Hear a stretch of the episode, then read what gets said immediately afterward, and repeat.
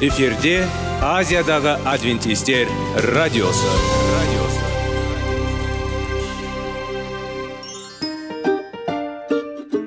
сәлем достар. Денсаулық өмір бұлағы және біздің бірінші байлығымыз демекші денсаулық сағаты рубрикасына қош келдіңіздер.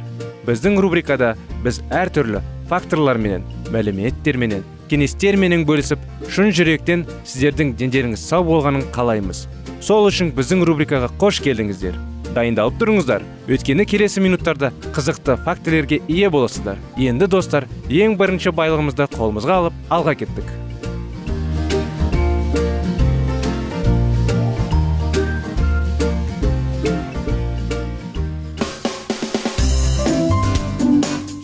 Денсаулық туралы хабар.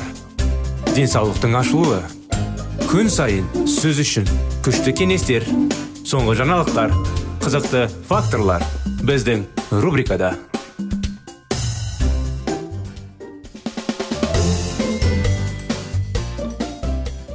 Құрметті достар құрметті тыңдаушыларымыз сіздермен бірге қытай зерттеулі тақырыбы денсаулық сағат бағдарламасында. Ары қарай жалғастыра кетейік.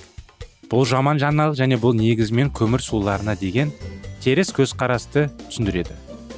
Тұтынылатын көмірсулардың көп бөлігі тез тамақтану. Немесе дәнді дақылдардан жасалатын ұн өнімдерін кездеседі. Сондықтан оны терең тазарту қажет. Оны дәрумендер мен минералдармен қосымша байыту қажет. Мұнда біз танымал диеталар авторлармен келісеміз. Сіз жоғары сапалы ұннан жасалған макарон картоп чипстері содан тәтті жарма және азайтылған шоколад барлары сияқты тағамдарды жеп төмен майлы және жоғары көмірсулар диетасын ұстануға болады. Осылайша тамақтану бұл ой. Мұндай тағамды жеу арқылы сіз өсімдік негізіндегі диета әкелетін денсаулыққа пайда әкелмейді. Тәжірибелік зерттеулерде жоғары көмірсулар диетасының денсаулыққа пайдасы дәнді тағамдарда жемістер мен көкөністердің кездесетін күрделі көмірсулар жеген кезде байқалады. Алма цукини немесе бұршақ немесе басқа да көкөністер қосылатын қоңыр күріш табығын жеп қойыңыз. Салмақ туралы қытай зерттеуінің тұжырымдары. Қытайлық зерттеу салмақ жоғалту туралы мәселеге жарық түсіретін тағжайып тұжырымдар жасауға мүмкіндік береді. Мен қытай өзін өзі тамақтандыра алмайды. Аштық жиі болады және адамдар биік болып өсу үшін тамақ жетіспейді деп естідім. Бәрі түсінікті. Оларда калория жоқ. Алайда қытайда соңғы елу жыл ішіндегі тамақтану қиындықтары болса да біз калория тұтынуға деген көзқарас терең қате түсінік екенін білдік. Белгілі болғандай ең аз белсенді қытайлардың дене салмағының бір килограммына орташа калория мөлшері орташа американдыққа қарағанда 30 пайыз жоғары болды. Сонымен қатар олардың салмағы 20 пайызға төмен болды. Неліктен тіпті ең аз белсенді қытайларда артық салмақ қиындықтар болмады. Олардың құпиясы неде еді? Бұл парадокстың екі мүмкін түсіндірмесі бар. Біріншіден тіпті қытайлық кеңсе қызметкерлер орташа американдықтарға қарағанда физикалық тұрғыдан белсенді. Қытай шындығымен тыныс кез келген адам көптеген кенесе қызметкерлерінің жұмысқа және жұмыстан велосипедпен жүретінін білді. Әрине олар көп калория тұтынады. Бірақ бұл жағдайда да қосымша калория тұтынудың қай бөлігі физикалық белсенділікпен ал кейбіреулері олардың тамақтанумен байланысты екенін анықтай аламыз. Алайда біз кейбір адамдар тұтынатын калорияларда басқалар сияқты өнірмейтінін білеміз. Біз көбінесе олардың метаболизмі жақсы немесе бұл тұқым қалуатын деп айтамыз. Сіз осындай адамдарды білесіз. Бұл өздері қалаған нәрсені жейтін және салмақ салмайтын адамдар. Біздің көпшілігіміз калорияны тұтынуды бақылауымыз керек. Кем дегенде біз осылай санаймыз. Бұл жеңілдетілген түсінік. Мен біздің ақ қауымды зерттеулерімізге және басқа ғылымдардың еңбектеріне негізделген егжей тегжейлі түсіндірмені ұсына аламын. Ол келесідей. Егер біз калория қабылдауды шектемейтін болсақ онда майлар мен ақауыздар жоғары тағамдарды тұтынатындар қажет болғаннан көп калория алады. Біз бұл калорияларды дене майы ретінде сақтаймыз. Ол бұлшық ет талшық еттермен тығыз байланысты болуы мүмкін. Бұл жануарлардың етінде болған кезде біз оны мәрмәр деп айтамыз. Сонымен қатар көзге көрінетін жерлерде бөксерлерде іште бүйірлерде жоғары жамбастарда немесе бейт айналасында ақталуы мүмкін. Ең бастысы дене салмағының айтарлықтай өзгеруіне себеп болу үшін денемізді аз ғана калория мөлшері жеткілікті. Мысалы егер біздің денемізде күніне елу кал болса бұл жылына 4-5 килограмм салмақ қосуға әкелуі мүмкін. Мүмкін бұл сізге аз болып көрінуі мүмкін. Бірақ бұл 5 жыл ішінде 23-те 5 килограмм артық салмақты білдіреді. Кейбіреулер мұны оқығаннан кейін күніне елу калас тұтынуды шешеді. Бұл теориялық тұрғыдан өзгеру мүмкін. Бірақ бұл мүлде мүмкін емес. Күнделікті калория мөлшерін дәл бақылау мүмкін емес. Мысалы мейрамханада кешкі ас аламыз. Сіз әр тағамда қанша калория бар екенін білесіз бе? Қалай пісірмелер? Сіз оны жаңағыдай қалай дайындалатынын білесіз бе? Немесе сатып алатын стейк сіз оларда қанша калория бар екенін білесіз бе? Әрине жоқ. Шындық мында. Қысқа уақыт ішінде калориялар қабылдаудың кез келген шектеулерінің қарамастан. Біздің ағзамыз әртүрлі механизмдер арқылы ақыр соңында қанша калория сіңіретінін және олармен не істеу керектігін шешеді. Біздің калория тұтынуды шектеу әрекеттеріміз қысқа мерзімді және біз қандай заттарды көмірсулар мен майларды қабылдауды шектейтінімізге қарамастан шамамен алынған. Дене тепе теңдіктің нәзік сезімімен және біз тұтынатын калорияларды қалай пайдалану керектігін анықтайтын өте күрделі ан терісімен сипатталады. Біз ағзамызға дұрыс тамақтану арқылы жақсы қарым қатынас жасағанда ол бұл калорияларды дене майын қалыптастыру үшін емес денені жалпы зат алмастыру жүзеге асыру. Физикалық белсенділікті сақтау және арттыру немесе артық мөлшерлерден арылу сияқты қажетті функцияларды орындау үшін қалай жасау керектігін біледі. Дене калорияларды қалай қолдану керектігін шешу үшін көптеген күрделі механизмдерді қолданады. Ақауыздар мен майларға бай тамақтану кезінде денені жылыту үшін қолданудың орнына калория дене майы ретінде жинала бастайды. Егер калорияны едәуір шектеуге салмақ жоғалтуға әкелмесе. Керісінше ақауыздар мен майлар аз тамақтану кезінде калория денені жылытуға кетеді. Осындай анықтама құрметті достар бүгінгі күнде де сіз назарларыңызға зерттеуіміз ары жалғасуда. Келесі бағдарламаға шейін сау сәлемет болыңыздар.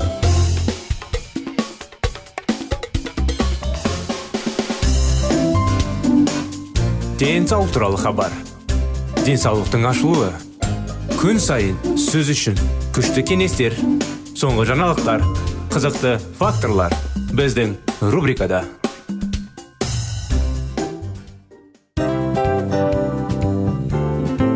Әуелі байлық денсаулық екінші байлық он саулық үшінші байлық ақ жаулық ал енді осындай радио парақшадан кейін не дейміз?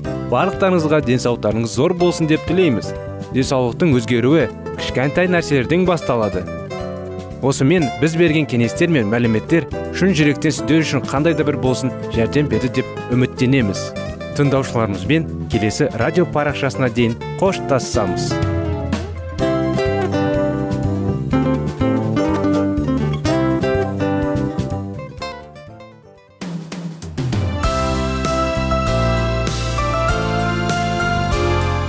эфирде азиядағы адвентистер радиосы.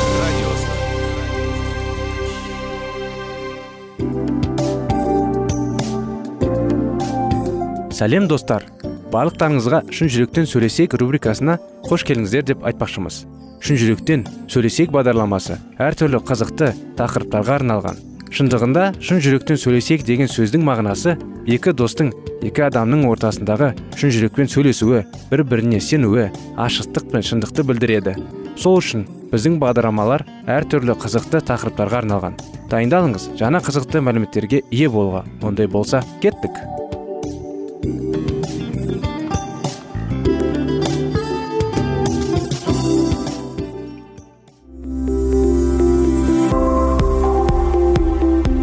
алтын сөздер.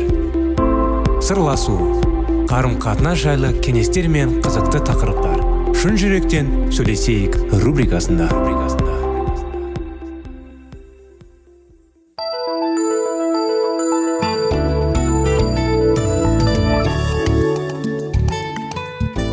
Сәлем достар. Сәлеметсіздер ме құрметті радио тыңдаушылар. Сіздермен бірге шын жүректен сөйлесейік бағдарламасы. жиырма бес керемет некенің оқиғаларын жалғастыра кетейік. Жақсы болып шығады дегенде сіздің некеңіз дамып өсіп келе жатқанда жаратқан ие. Жоспарыңыздың шектерін кеңейтіп соған жаңа нәрселерді қосатын болады. Ол сіздің некелік өміріңізді ешқашан бұзбайды. Басыңызға түскен қиындықтары құдайдың сіздің некеңізде құртқысы келетінің жайлы ойлар келіп одан көңіліңіз қалып ашылуға азғарлы болады. Бірақ жаратқан ие сіздің қиындықтарыңызды себепшісі бола алмайды. Қайта ол барлық жағдайлар жақсылыққа айналдырады. Оның рухы мен рақымы бізді ешқашан тастап кетпейді. Құдай бізге күшімізден артық сынақтарға жоқ бермеуді әрі содан өтуге күш беруіне уәде етті. Ал құдай өзінің уәдесін берік ол төзімдерінің артық санауларын жол бермейді. Еліктерген кездерінде соған шыдауға күш қуат беріп құтылып шығудың лайықты жолмен қамтамасыз етеді. Кейбір кезде сізге барлығы құрып бара жатқандай көрінетін болады демек егер сіз қатты дауыл соққан кезіңізде үмітті сақтай берсеңіз онда кез келген санақтан өтетін болсаңыз сіз бәрін істеп орындап болған соң ұстаздың жарайсың жақсы да адал қызметші деп ұстаздың өзіңізге айтқан сөздері еститін боласыз. Ұстаз кемшіліксіз мінез деп айтқан жоқ. Ол жұмысы жақсы істерді деді. Бұл өте қызықты екені шындық емес пе? Біздердің ешқайсымызда мінез таза кемелді өмір сүруге қабілетіміз жоқ. Бірақ некеде тұрып та сондай өмір сүруге болады. Бұл демек біздер дек некелесуде болған өмірімізді мойынсұнушылыққа сақтай отырып кеткен қателіктерімізді сабақ ала отырып және оның біз үшін дайындап қойғандарының ішінен ең жақсысын алу үшін құдайдың рақымымен алға қарай жылжи отырып некелік өмірімізде дұрыс таза өмір сүруге тиістіміз дегенді білдіреді. Егер сіз осылай өмір сүрем деп шешіп қабылдасаңыз бұл кезде сіздің некедегі өміріңіз тек аман есен болып қана қоймайды. Ол өркендей береді. Жаратушы иесіге ақырына дейін қамқорлық жасайды. Әрқайсыларының үміттеріңді соңына дейін берік ұстауларың үшін де осындай ынта жібер танықтандыратын ансап тілеймін. Сонда сендер жігерсіз болмайсыңдар. Керісінше сенім мен шадамдылық көрсетіп игіліктерді емдегендерді үлгі аласыңдар. Құдай некеде оның рухани антын мұра етіп алуыңызды қалайды. Оның рухының бізге беріп жатқан үмітін сенім артады. Өз жұбайыңыз шыдамды болып өзіңізді ерлі зайыптылық одағыңызға сенім білдіріңіз. Сіз кемеліне жеткен. Екі адам арқылы құдайдың не істей алатынын көріп қайран қаласыз.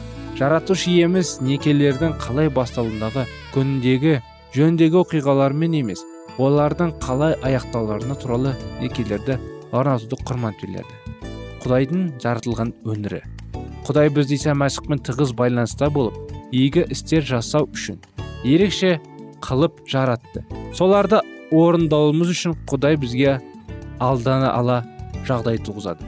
Сіздің некеңізді қамти отырып құдайдың жаратқан барлық нәрсесінен мақсатты болды. Сіздің өмірдегі оның рухының жеке өзінің қатысуы арқылы ол сіздің некеңізді оның рақымдылығын ең жоғарғы жұмысы болуын қалайды.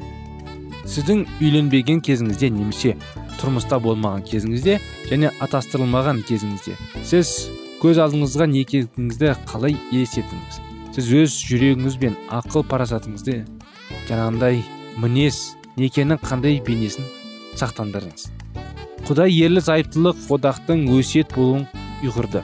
Осы өсиетте ажал біздерді ажатпағанша деп өмір бойынша бекітіреді осы өсиетте әрбір тарап келесінен бағышта болады және қол басқа адамның қиыншылығы болады. Жұбайлардың әрқайсысы бір бірін жорғауға қорғауға және әріптестерінің мұқтажын түсіндіруге ант береді. Авторлар жаңағындай әйел мен күйеуінде өсиет жайындағы өздерінің алған аяңдарына былай деп бөлінеседі өсиет бұл құдайдың ісі. Киелі өсиеттің қолданылатын жаратылықтың жайында анық айтады. Оны қамтиындар құдайдың сүйіспеншілігі қаржы ерікшілікке қауіпсіздік және сезім ұзақ өмір денсаулық және тақуалық қылық. Ақиқат өсиет жағдайында өз кетулеріңді мойындап өмірдің қиындықтарына қарсы тұру оңайға соғады. Өйткені біз біздің әділ болғанымыз үшін бізді қабыл алмай асырап тастамайтынын білеміз. Біздің жұбайымыз да біз қиындықтарды бірге өтіп келе жатқандықтан бізге сәтсіздіктерді жеңіп шығу үшін сүйіспеншілік танытып шындықтың айтқанында оңай болды. Мәсіхке сенгеннің өмірден де жақсы өсеті осылай болды. Сіздің өсетіңіз жайында құдай не дейді? Өзіңізден мен некелік өмірде өсиет бойынша өмір сүріп жатырмын ба? Осындай некеде өмір сүру үшін мен мені нені істеуге дайынмын? Жаратушы иеге сыйыңызды және киелі рухтың оның жанысуы мен күш қуат беру сұраңыз. Құдайдың ерлі зайыптылардың мақсатына да әлде қайда алысқа жазылып жатқаны. Өсиет бойынша сіздің кеңесіңізге арналған ұлағатты мақсаты бар. Ол мысалы пайғамбар мен оның әйелі іспетті ерлі зайыптылар одағының сүйіспеншілікпен ақиқатты болашақтығы қышқандарға таратуды тіледі. Өзіңізден және тәңірден менің некем кімге ықпал жасайды? Оның әрекеті қандай деп сұрау қойыңыз. Аздап кідіре тұрыңызда киелі рух менің балаларыма немерелеріме және адамдар туралы үш менің ықпал ету артыма орналастырған сенің өсиетінің шегінің мен қалай кенейге аламын бе деп мінәжат құдайдың алдында тынышталып үндемей отырыңыз. Оның сізге қазір және келешектегі күндерде не айтатын тыңдаңыз. Жаратқан иенің уағыздауын жазып алып және мойынсыну құлақ салу үшін оның сәтін келтіруін өтініп сұраңыз. Осымен бүгінгі күнде бағдарламамыз аяғына келіп жетті. Сіздерді келесі бағдарлама шақырамыз. Жалғасына. Келесі жолға дейін сау болыңыздар.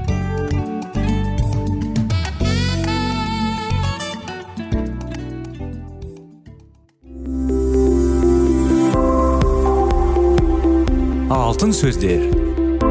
Сырласу. Қарым қатынас жайлы кеңестер мен қызықты тақырыптар. Шын жүректен сөйлесейік рубрикасында.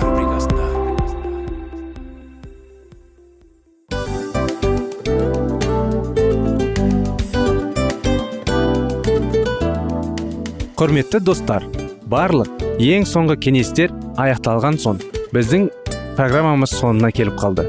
Осы біздің мәліметтер осы рубрикада айтылған әрбір сөздер сіздерге өзінің қандай да бір пайдасын алып келді деп шын жүректен сенеміз. Және бұдан да көптеген рубрикаларымыз бар. Басқа рубрикаларымызда біздің зерттеулерімізде сіздер үшін тағы да қызықты мәліметтер дайын. Біздің шын жүректен сөйлесейік парақшамызда көптеген әдістер ең соңғы кеңестер адамның нравственность жақтан моральдық жақтан тазалап байыта тұрған соңғы кеңестердің барлығын жанарады. сондықтан алдыңғы күндерде бізбен бірге болыңыздар. Өйткені барлық қызықтар алдыда. Бізбенен бірге болғандарыңызға үлкен рахмет. Келесі кездескенімізше сау сәлемет болыңыздар.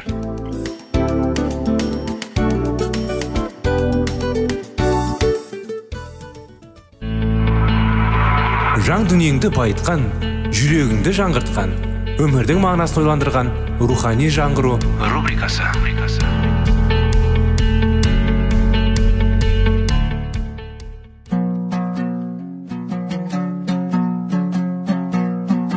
Ассалаумағалейкум біздің тыңдаушыларымыз. Келі кітаптың шындығын ашып берген қысқа бағдарламасына қош келдіңіздер. Барлығынан жоғары жаратушы біздің қарыңғылықта жалғыз қалдырып қойған емес. Өйткені ол келешекте не болу керек екенін киелі кітаптың парақтарында ашып береді. Немесе келіңіздер бізге қосылыңыздар. Жаратушы бізге нен ашып бергенін зерттейміз. Алғашқы піскен егіннің буынтығы секілді. Иса мәсіхте мәңгілікке қайта тірілетін жандардың басы тұңғышы болып саналды. Айтылған аяндар шынымен орындалып қана қойған жоқ. Олардың белгіленген уақыты да дәме дәл келді. 15 ғасыр бойы яхудилердің бірінші айының он төртінші жұлдызында құрбандық шалынып отырған дәл осы күні мәсіх өзінің шәкірттерімен тойлады. Айттады және осы күнді оны еске алып отырғанын мерекеліп кеш қылдау өсет етті. Осы күн ол тұтқынға алынып айқыш ағашқа керіліп өлтірілді және оған ұқсастырылып тұрған алғашқы екеннің бүгінгі сияқты. Иса мәсіх үш күннен соң қайта тірілді. Жаңа өмірге қайта тірілген. Мәсіх секілді оның барлық ізбасарлары жаңа өмірге қайта тірілген болады. Оған дәлел біздің тіршілігіміз көкте және біз ол жатқан құтқарушымыз тәңіріміз иса мәсіхті күтудеміз. Ол біздің қажыған денеміздің қайта жаңартуын оның данты денесіне лайықты өзгертеді. Ол өз күшімен әсер етіп бәрім өзіне бағындырады делінген. Мәсіхтің жер бетіне екінші рет келуіне байланысты біреулерген аяндарда да дәл айтылған орындалуға тиісті болды. Мұса пайғамбардың заңы бойынша қасиетхананы тазартуын немесе ұлы ақталу күні яхудилердің жетінші айының оныншы жұлдызында болатын. Осы күні құдайдың бірінші қызметшісі барлық иса халқы үшін кешірім сүріп қасиетхана күнәдан тазартып сонда халыққа батылу батасын беру үшін сыртқа шыққан. Дәл солай мәсіх иса өз қызметін аяқтап болған соң жер бетіне келіп оны күнәдан тазартып өз пенделеріне мәңгілік өмір сыйлайтынына оның халықты қатты сенген жетінші айдың оныншы жұлдызы ақталатын ұлы күн қасиетхананы тазартылатын күні. Осы айтулы күн 1844 жылдың қазан айының 22 жұлдызына сәйкес келді. Халық болса өздерінің құтқарушылары. Иса мәсіх осы күні келеді деп есептеді. Нәтиже талас осы күнде көрсетті.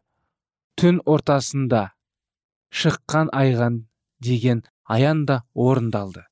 Өйткені бұл хабарды мыңдаған халық шыққан айғай деген аян да орындалды. Жер жерге жария етті. Мемлекетті небір орасан зор толыққан шынайы шиып өткендей болды. Хабар қаладан қалаға елден елге тарап түкір түкірліктерінің барлығына жетті.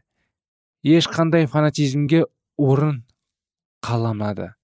Небір киелі тыныштық пайда болды. Адамдар жүректерінің көз қуыстарында тығылып жатқан күнәларына кешірім сұралған дұға оқылды. Ойын суық деген тоқталды. Осы кезде суреттер отыр миллер былай дейді. Халық өз қуаныштарын көрсетпей болашақта болған синатты оқиға арнап сақтап отырғандай көрінді. Осы оқиғалардың куәсі болған тағы біреу болып жейді. Жұрт көзқарастарын өзгертіп жауластарынды тоқтатып күнәларына кешірім сүт құдайдың алдында жүректерін иіп тұрды. Мұндай таңқараларлық оқиға ешқашан болып көрген емес. 1844 жыл тарихта болған әйгілі жыл болды. Фермерлер егістік даласын тастап кәсіпкерлер кәсібін қалдырып барлық жаңа киелі жазбаны зерттеп ізгі хабардың уағыздарын кірісті. Шіркеулер болса бұл хабарды қабылдамады. Ал олардың арасында қабылдағандары болса шіркеулердің бөлініп шықты. Дегенмен адвентистік қозғалысқа қосылғандардың кейбіреулері әуесқойлар енді біреулері жай қызығушылық таныққандар болатын. Соған қарамастан мінекей күйеу жігіт келді деген сөздің күші оларға әсер етпей қойған жоқ. Ол кездегі адамдардың сенімі қазіргі кездегілерге қарағанда әлде қайта мықты болатын. Олар өздерінің сенімдеріне қарай дұғалары мен салуаттарының арқасында салауаттарына жауап алатын. Өздері және жақындары үшін дұға оқып құдайды мадақтайтын әнде салып алланы шын ниеттермен күтті. Бірақ бұл адамдар көңілдері қалатын кезінде табалдырылғанда құрғандарын білмеді. Айтулы мезгілі де өтті. Бірақ құтқарушы келген жоқ. Бастапқы кезде құдайға сенбейтіндер сенушілері күлкі қылуға шамалары келмеді. Өйткені олардың бойларына әлі де болса қасиетті қорқыныш қате қоймаған болатын.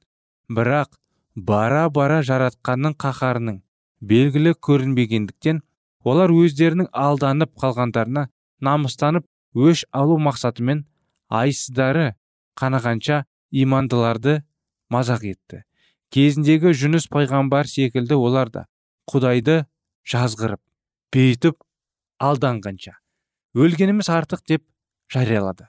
Осылайша біреудің сеніміне сүйеніп жүрген сорлылар енді өздерінің көз қарастарын бірден өзгертіп шыға келді.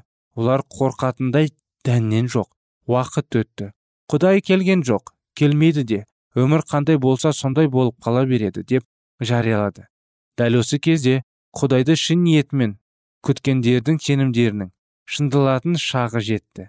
Дегенмен олардың көңіл күйлері кезінде исаны таққа отырғысы деп дайындалып ойлағандары болмай қалғанда қатты қынжылған елшілердің көңіл күйлерінің әлде қайда жеңіл болды.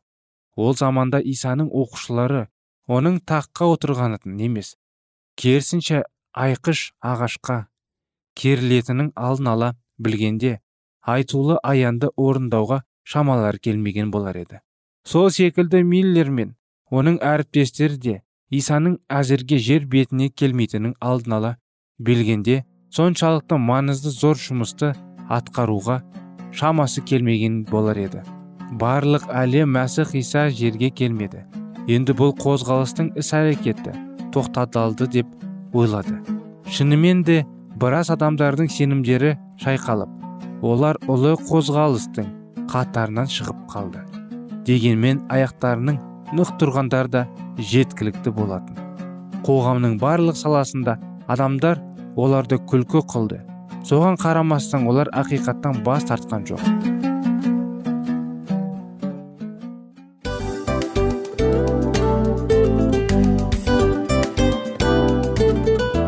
Осымен достар программамыздың зерттеуіміздің ең қайғылы минутына жеттік. Қайғылы дегенде бағдарламамыз тез арада өтті де кетті. Соған көңіліміз деп тұр. Жарайды қайғыны қояйық бүгінгі 24 сағаттың алтындай жарты сағатын бізге бөліп арнағаныңыз үшін рахмет. Егер де өткен сфераларда пайдалы кеңес алған болсаңыз біз өзіміздің мақсатымызға жеткеніміз.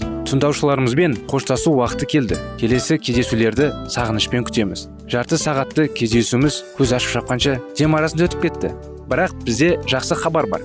Келесі зерттеулерімізде сөзсіз кездесеміз. Өйткені көптеген сюрприздер қызықты мәліметтерді және керекті нәрселерді көбін дайындадық. Бүгінгі күндеріңіз өзгеше позитивті болсын. Жақындарыңыз аман есен болсын деп тілейміз. Жаратқан ие барлықтарыңызға батасын берсін. Істеген істеріңіз игілікті болсын. Келесі кездескенше сау саламат болыңыздар. Достар біздің бағдарлама бойынша сұрақтарыңыз болса әрине сіздерге керекті анықтама керек болса біздің whatsapp нөмірімізге хабарлассаңыздар болады. Плюс бір үш жүз бір жеті жүз алпыс алпыс жетпіс. Иә достар сіздер қателеспедіңіздер бұл біздің номерлерге ұқсас болмаса да бұл whatsapp номер арнайы. Хабарласыңыздар сұрақтарыңызды қойып тұрыңыздар. Анықтаманы алып тұрыңыздар. Плюс бір үш жүз бір жеті жүз алпыс алпыс жетпіс whatsapp номері